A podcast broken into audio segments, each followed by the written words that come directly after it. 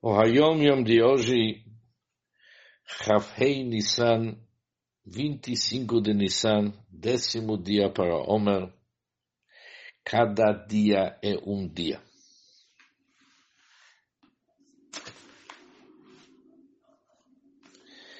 A avodá, a avodá de cada pessoa deve ser de acordo com seu caráter e suas virtudes. Há quem possa perfurar pérolas ou polir gemas. Em vez disso, ele se dedica ao trabalho de fazer pão. A comparação em termos da Vodá como servir a Hashem é óbvia. Por mais que fazer pão seja uma ocupação extremamente necessária, contudo, para quem poderia ocupar-se com pérolas, isto é praticamente considerado um pecado para aquela pessoa.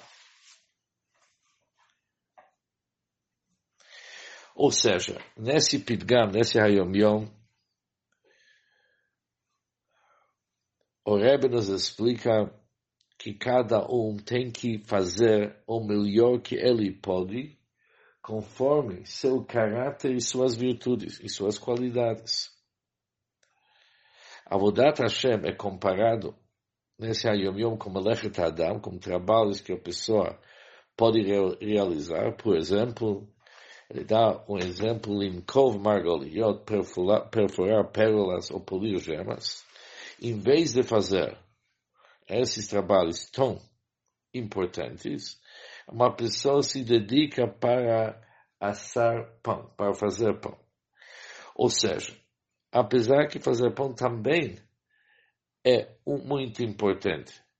Mas mesmo assim, cada um entende que não é o tafkid, não é a responsabilidade e objetivo de uma pessoa que pode perfurar pérolas e fazer joias ou polir gemas, não pode ele abandonar o seu trabalho e dedicar seu tempo para assar pão mesmo, que é um trabalho importante.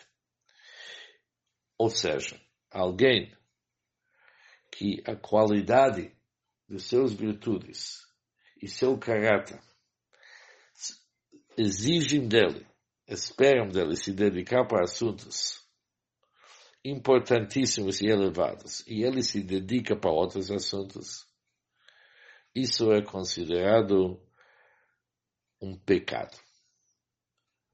É considerado um pecado para aquela pessoa.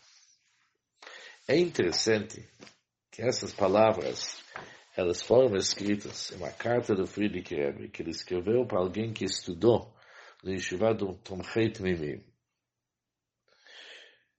E ele informou o Friedrich Rebbe que ele estuda Hassidut em público, cada Shabbat, estuda Gemara Mishnayot em público.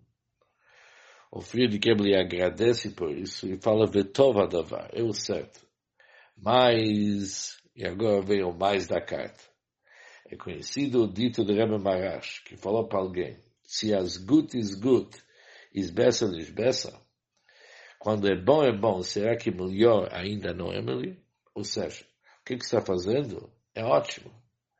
Mas se espera de você muito mais ainda. Depois tem uma história. Em seguida, tem o Hayom Yom nosso.